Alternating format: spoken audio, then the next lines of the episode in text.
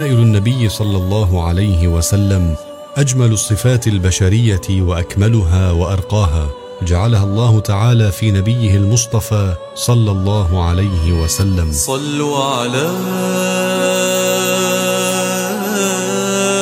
من قد سما.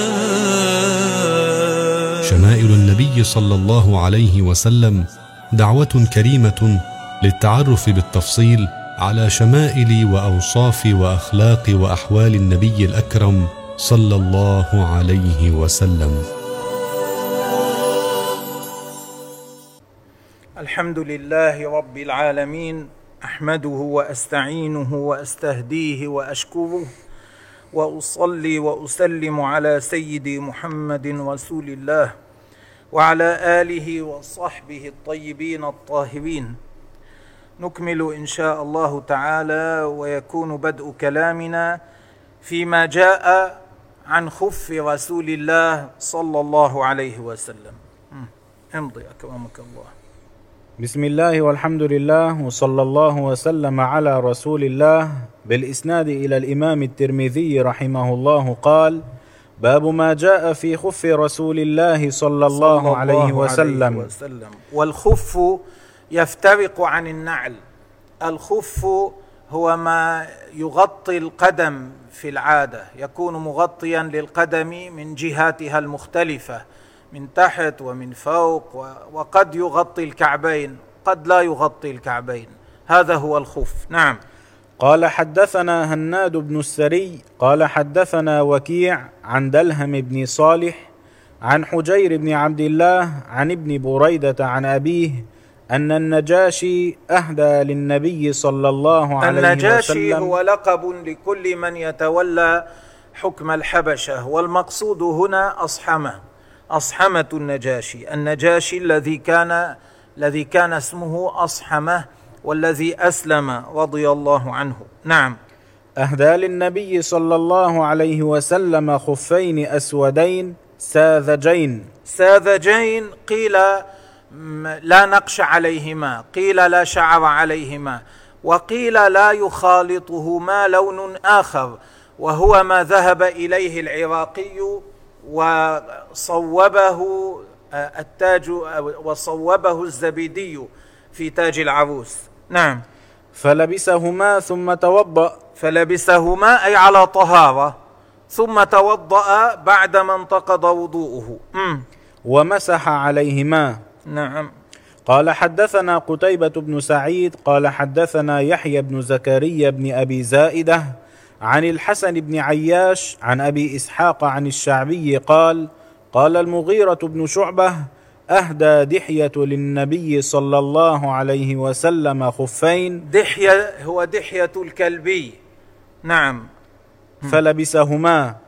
نعم. أهدى للنبي عليه الصلاة والسلام خفين. لبسهما مع أن آه، مع أن الجلد لم يكن معلوما للنبي عليه الصلاة والسلام أنه من جلد مأكول مزكى لم يكن معلوما له ذلك لكن لأنه دبغ لبسهما النبي عليه الصلاة والسلام. فحتى لو كان جلد ميتة جلد الميتة يطهر بالدباغ. فلذلك لبسهما عليه الصلاة والسلام. نعم. وقال إسرائيل عن جابر بن عامر وجبة فلبسهما حتى تخرقا. فلب فلبسهما أي لبس الخفين. بعضهم زاد في روايته وجبة.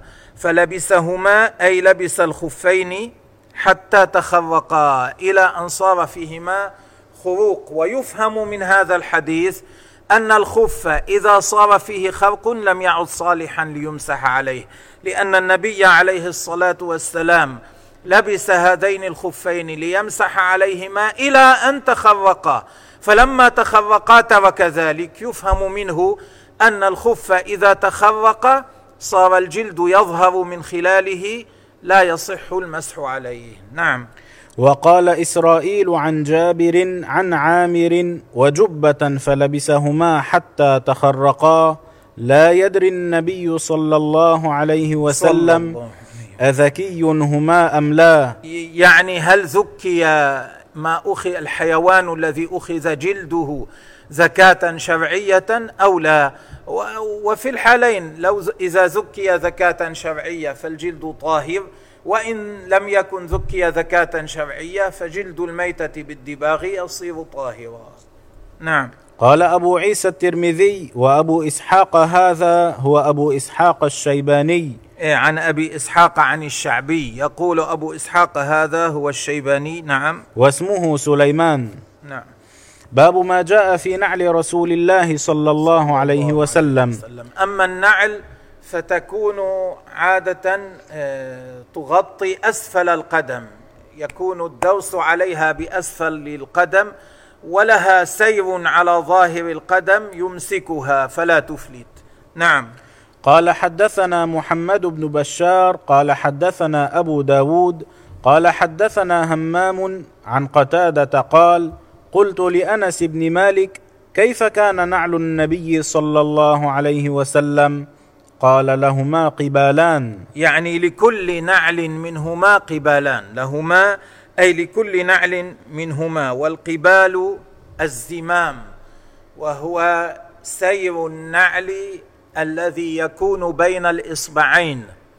فكان لنعل النبي عليه الصلاة والسلام زمامان.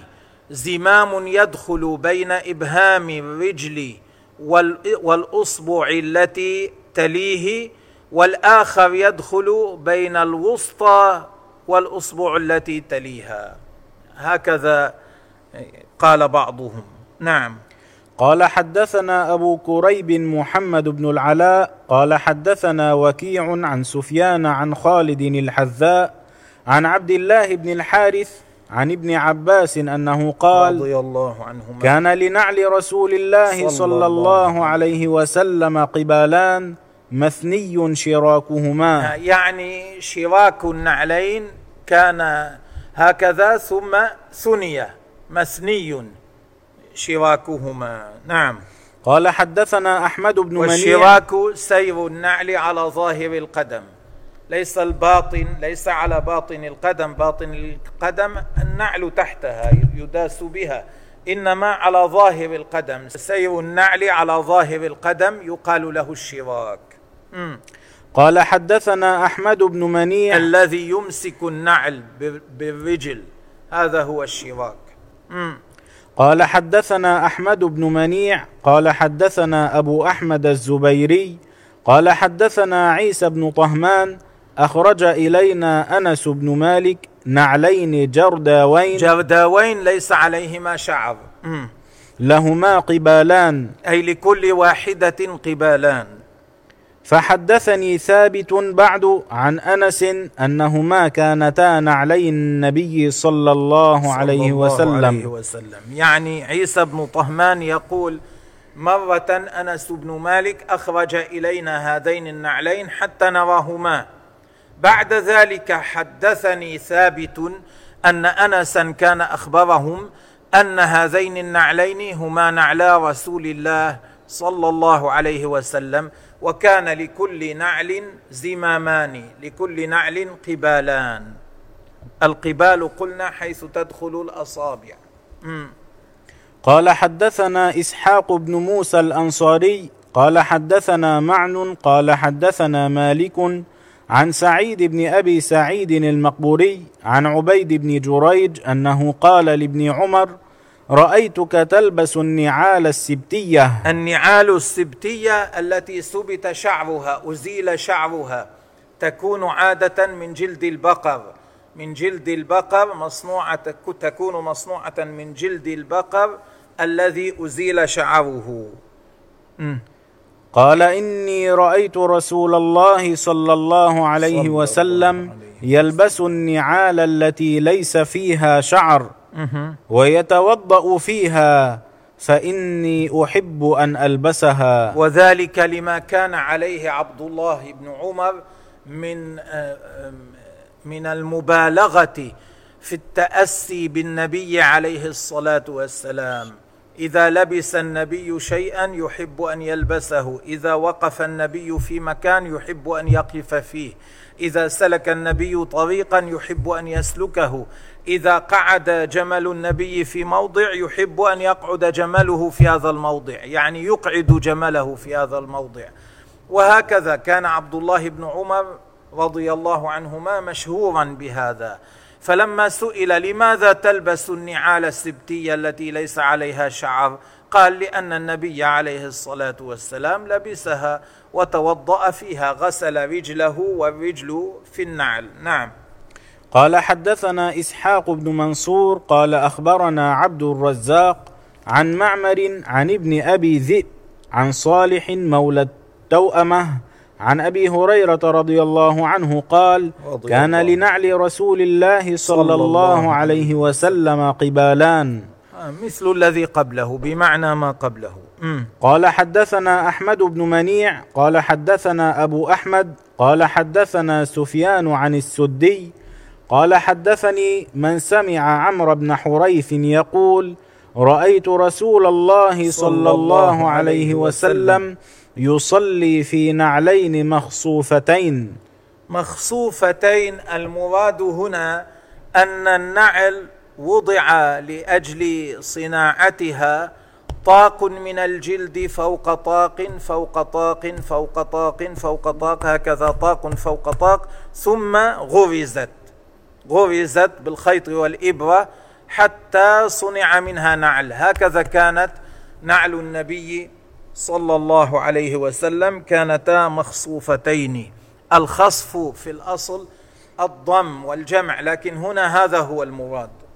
قال حدثنا إسحاق بن موسى الأنصاري قال حدثنا معن قال حدثنا مالك عن أبي الزناد عن الأعرج عن أبي هريرة رضي الله عنه أن رسول الله صلى الله عليه وسلم قال لا يمشين أحدكم في نعل واحدة لينعلهما جميعا أو لينعل قدميه جميعا.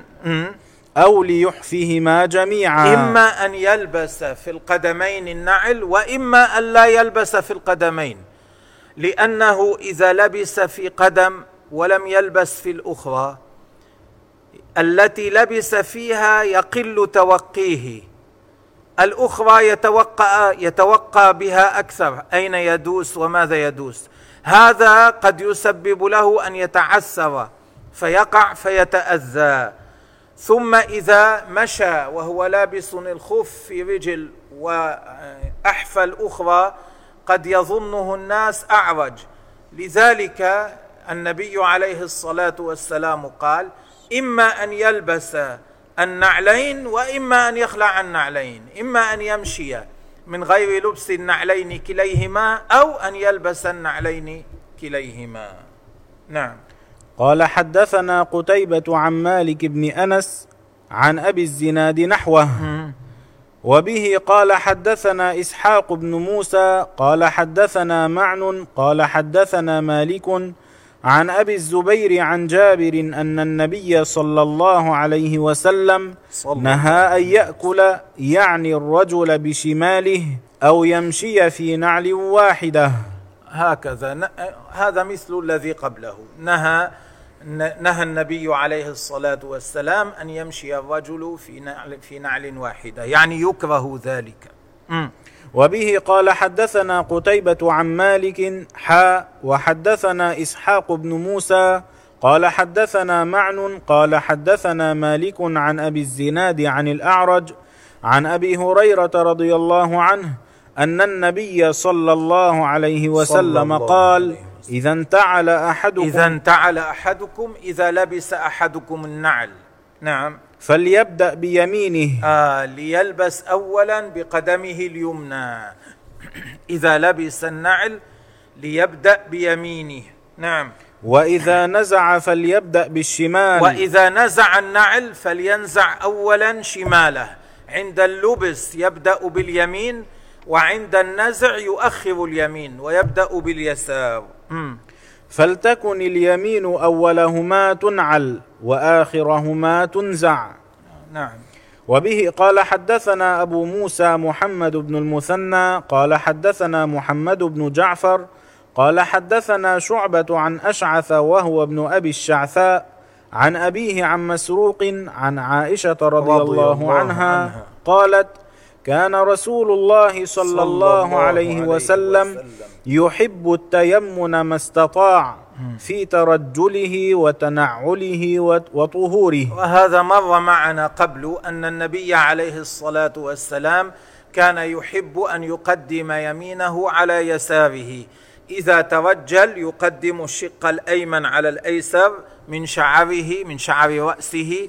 إذا تطهر يقدم يده اليمنى على اليسرى رجله اليمنى على اليسرى في الاغتسال يقدم الشق الأيمن على الشق الأيسر آه، وفي تنعله إذا لبس النعل يقدم الرجل اليمنى على على الرجل اليسرى.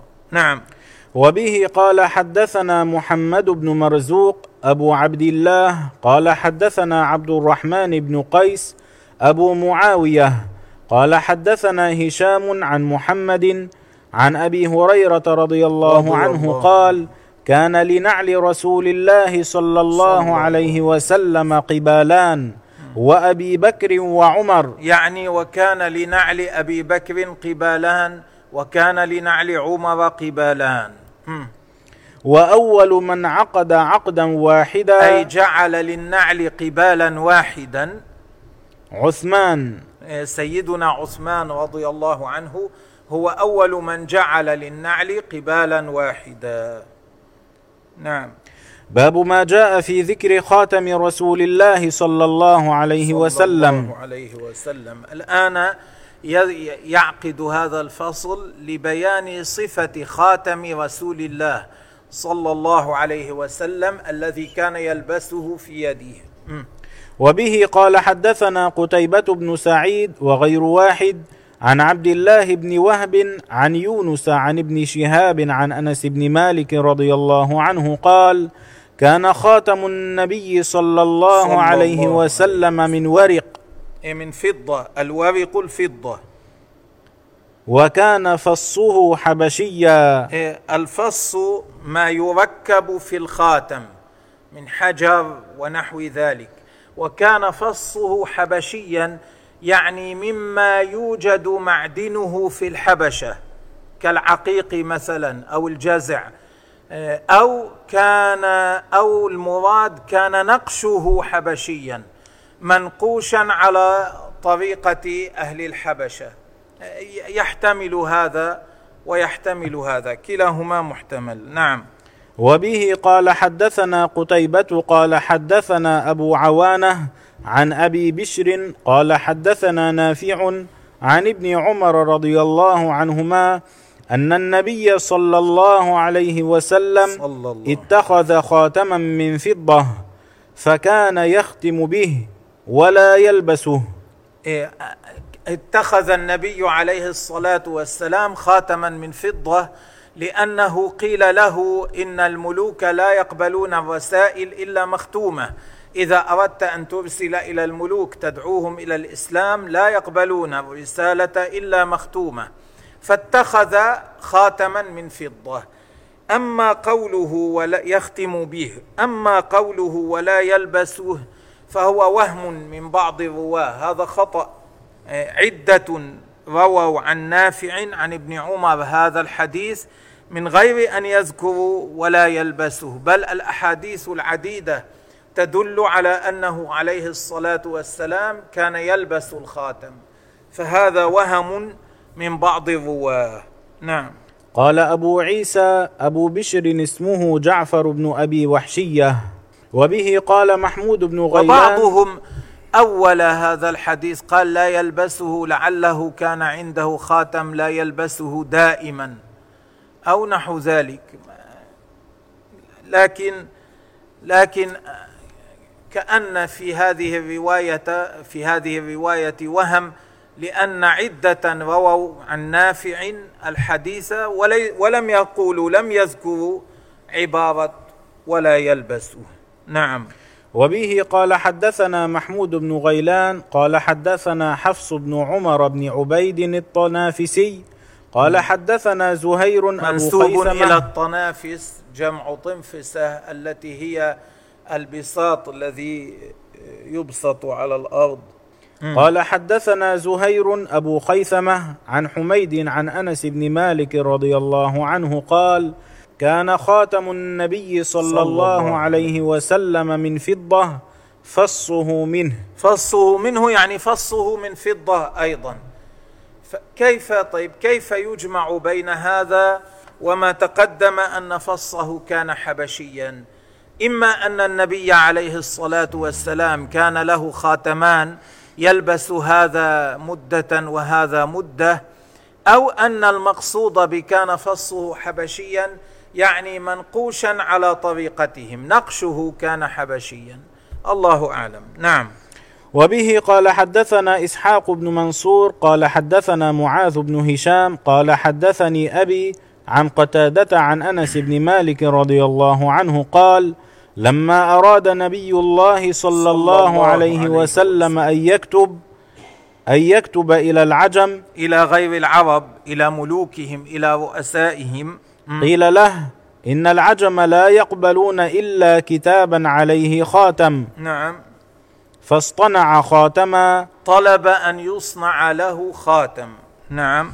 فكأني أنظر إلى بياضه في كفه. كأني الآن ما زلت أذكر جيدا بياض هذا الخاتم في كف رسول الله صلى الله عليه وسلم. كأنني أراه. مم. وبه قال حدثنا محمد بن يحيى قال حدثنا محمد بن عبد الله الأنصاري قال حدثني أبي عن ثمامة عن أنس بن مالك رضي الله عنه قال كان نقش خاتم رسول الله صلى الله عليه وسلم. محمد سطر ورسول سطر والله سطر. نعم ال- المشهور أن لفظ الجلالة نقش اولا على الخاتم. هكذا المشهور تعظيما. آه، ثم بعد ذلك رسول ثم بعد ذلك محمد. لكن هذا خلاف ما تدل عليه رواية الإسماعيلي وظاهر رواية البخاري لأن لفظ رواية الإسماعيلي قال محمد سطر والسطر الثاني رسول والسطر الثالث الله فهذا يدل دلالة واضحة على أن لفظ محمد كان في الأعلى ثم تحته رسول ثم تحته لفظ الجلالة الله وهو ما يدل عليه ظاهر رواية البخاري أيضا. ولا يخفى أن هذه أن كتابة الخاتم كانت كتابة خاصة لأنه يحتاج إليه ليختم به فتكون الكتابة من من اليسار إلى اليمين عليه حتى إذا ختم به تظهر الكتابة على الصحة من اليمين إلى اليسار. لكن هذا جاز استثناء جاز استثناء في هذه الحال للحاجة. نعم. وبه قال حدثنا يعني فلا يكتب لفظ الجلالة مقلوبا في غير هذه الحال. هذا جاز استثناء للحاجة. نعم. وبه قال حدثنا نصر بن علي الجهضمي أبو عمرو قال حدثنا نوح بن قيس عن خالد بن قيس عن قتادة عن أنس بن مالك رضي الله عنه أن النبي صلى الله عليه الله وسلم عليه وسلم. كتب إلى كسرى وقيصر والنجاشي كسرى كل ملك من ملوك الفرس يلقب كسرى وقيصر كل ملك من ملوك الروم يلقب قيصر والنجاشي كل ملك من ملوك الحبشة يلقب النجاشي نعم. النجاشي الذي أسلم كان اسمه اصحمه ثم توفي في السنة التاسعة للهجرة وتولى الحكم بعده آخر. النجاشي الذي بعده أرسل إليه النبي عليه الصلاة والسلام رسالة يدعوه فيها إلى الإسلام لكن لم يعرف منه استجابة لدعوة النبي صلى الله عليه وسلم. نعم. فقيل له إنهم لا يقبلون كتابا إلا بخاتم. كما تقدم كما ذكرنا قبل. نعم. فصاغ رسول الله صلى الله عليه الله وسلم عليه خاتما وسلم. حلقته فضة. إيه، من فضة جعله من فضة. ما يحيط بالأصبع منه من فضة. مم. ونقش فيه محمد رسول الله. صلى الله عليه وسلم. مم.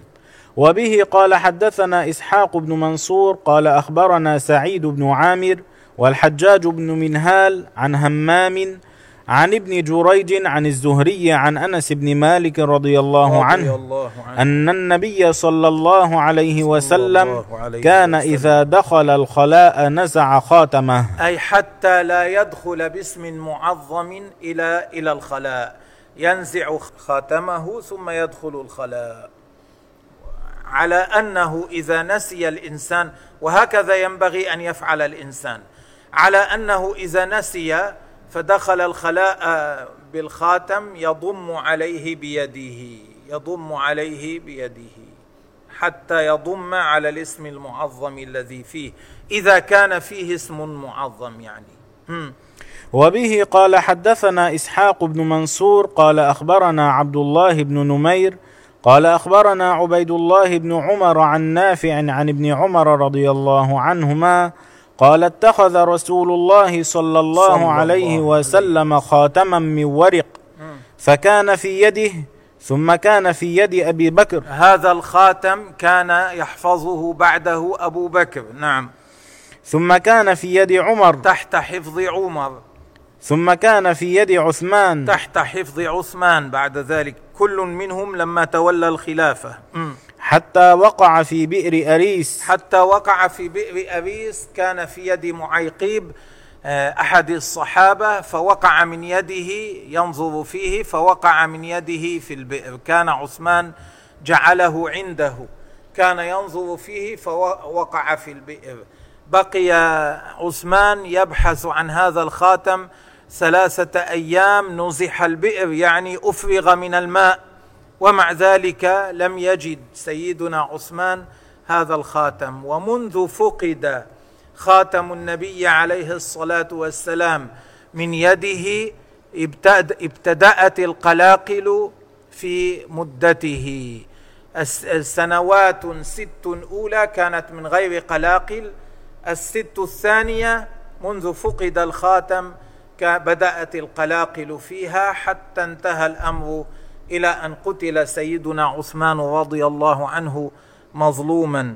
نقشه محمد رسول الله. نقشه أي نقش الخاتم محمد رسول الله صلى الله عليه وسلم كما تقدم. وقيل بعضهم قال كان الخاتم في يد عثمان هو. ثم وقع من يده هو لا من يد معيقيب وبقتل عثمان رضي الله عنه انفتح الباب أو بدأت الفتن في هذه الأمة. بقتل عثمان بدأت الفتن بين المسلمين ولم تتوقف إلى أيامنا هذه. كل مدة يكون بين المسلمين اقتتال منذ قتل عثمان رضي الله تعالى عنه. نسأل الله عز وجل أن ينجينا من الفتن ما ظهر منها وما بطن وأن يخرجنا من هذه الدنيا سالمين. والله تبارك وتعالى أعلم. شمائل النبي صلى الله عليه وسلم أجمل الصفات البشرية وأكملها وأرقاها. جعلها الله تعالى في نبيه المصطفى صلى الله عليه وسلم. صلوا على من قد سما. شمائل النبي صلى الله عليه وسلم دعوة كريمة للتعرف بالتفصيل على شمائل وأوصاف وأخلاق وأحوال النبي الأكرم صلى الله عليه وسلم.